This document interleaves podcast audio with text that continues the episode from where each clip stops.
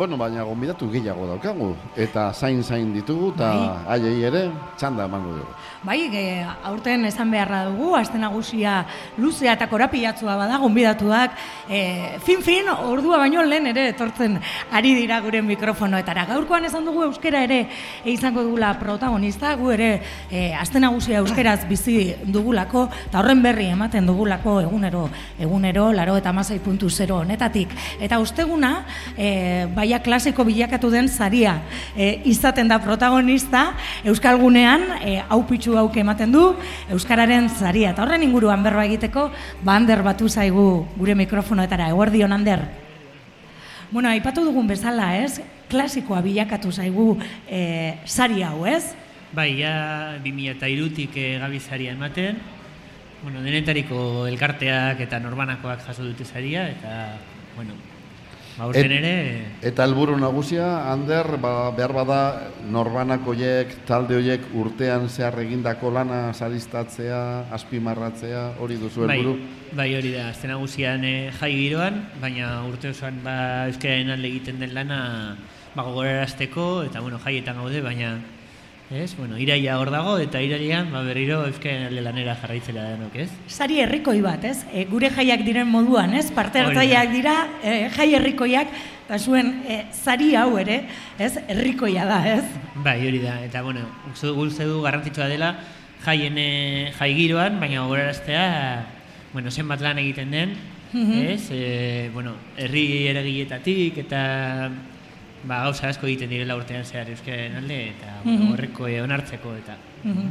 Badakit, e, saridunak oso posik jasotzen dutela, ez? Konpartze batek emandako saria. Bai, eta bueno, gainera ikusten dugu, ez? Urte urte, ba gero eta referentzialagoa bihurtzen dela eta horrek nolabait, bueno, nik hitz egiten eh, lehengo, bueno, aspaldiko konpartzakiekin eta hori zen beraien helburua sortu zenean sari hau txiki hasi zena eta hasi zen, bueno, ba, gure arteko gauza baten moduan, Mhm. beraiek eh, zeukaten ikuspegia zen azte nagusiko euskara saria izatea, ez? Mhm. Eta bueno, ba, zorionez ikusten dugu hori ere bi- bilakatzen ari bilakatzen dela, ari ez? dela, Eta, ez? bueno, Ander gainera, ez dakit, norbera lehiaketa batera aurkezten delarik, beti dago itxaropen izpi bat, bueno, irabaziko ote duzun, baina aurkeztu gabe eta ustekabean harrapatzen zaituenean, posa handiagoa izango da, ez da, elkarte horientzat, ezer espero ez dutelako, ez da? Bai, normalean e, salidunek ez ustean, eh, ez ustean harrapatzen ditugu, eta bapatean badei bat edo mezu bat edo jasotzen dute, eta izu, ba, konpartzatik, eta saria, eta arri, normalean e, harrituta geratzen dira, eta, bueno, posik, noski. Aipatuko ditugu batzuk, ez? Zeintzuk izan diren, da, UEMA, bai. ez? E, Bai. UEU, UEMA, e, bai, Udako Euskal Unibertsitatea, Berria, ere, Amaika Bai, Telebista. Uriola, Fermin Muruza izan zen pasaden urtean, bueno, denetarikoak izan. Izen handiak eta garrantzi handikoak euskal gintzan bai, denak, ez da? Bai, batzuetan e, Bilbo mailakoak, ba, hori, Uriola bezala, e, beste batzuetan ba, Euskal Herri mailakoak. Eta gaurkoan, e, saria jasotzera, e, hemendik kilometro batzutara e, kokatuta dagoen, ba, era, e, elkarte bat e, e, izango da, konta iguzu, udagoeneko badakigu, baina, bueno. Bai, aurten zehazkari emango diogu saria, Mhm. bueno, aurten zehazkak berrogeita urte bete ditu, eta, bueno, ba, ikusi dugu, naiz eta, bueno, ez izan ez nazio mailako eragile bat, ez bilbokoa, ez, ez duela hemen eh, lan egiten, baina nolabait ba, nazio ikuspegi hori indartu behar dugula, em, Euskal Herriko beste puntan gertatzen dena euskararekin lotuta guri Euskararen egoera ez da berdina Bilbon zein... Bai- e, baina guri ere guri ere eragiten digula azkenean, ez? Euskarak eh, zenbat eta hiztun gehiago izan, hemen edo edo Maulen edo Iruñean, ba guztiontzako da garrantzitsua, ez? Eta horregaitik, ba, bueno, beraiek aurten berrogeita urte bete dute. E, bueno, beti dabiz e, e, Frantziako gobernuarekin tirabiretan e, onarpena lortzeko, finanziazioa lortzeko, bueno, ba, lan handia eta traba handiak ere gainditu bat dituzte, eta bueno, uste dugu merezi dutela Bai, berrogeita hamar urte hauetan, e, e, bueno, ba, Euskara irakasteko eta Euskaraz irakasteko iparraldean lana e, handia egin du zehazkak, eta hori, ekarri nahi duzue, aste nagusi honetara ere, ez, protagonismo txikia bada ere, zehazkak izan dezan, ez, bera, itorpen ho- hori. hori da, bai. Eta ekitaldia zertan datza? Bidali egiten diezue, ordezkariren bat etortzen da ona, bestelako Bai. ekitaldirik egiten duzue. Etorriko dira, bueno, gaur Baskarira etorriko dira, gurekin. Baskar usteko saria Bai, da. Oso, da. oso Azte ere. nagusikoa. Euskaldunak dira, gaina eta.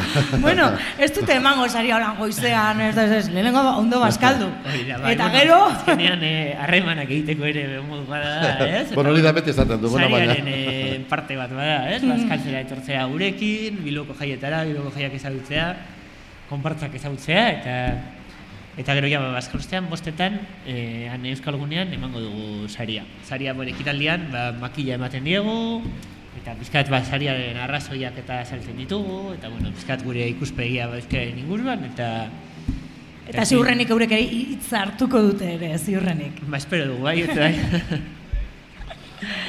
Bueno, ba gauze izango da, e, bestetik, zelandoa aste nagusia e, konpartxan.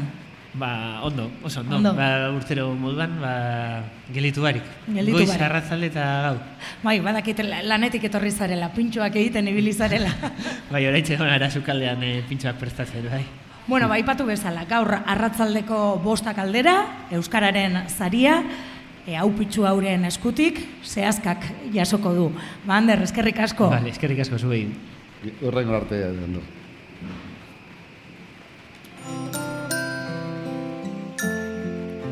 Bilbo iria irratia. Zenbat gara elkartearen ekimena.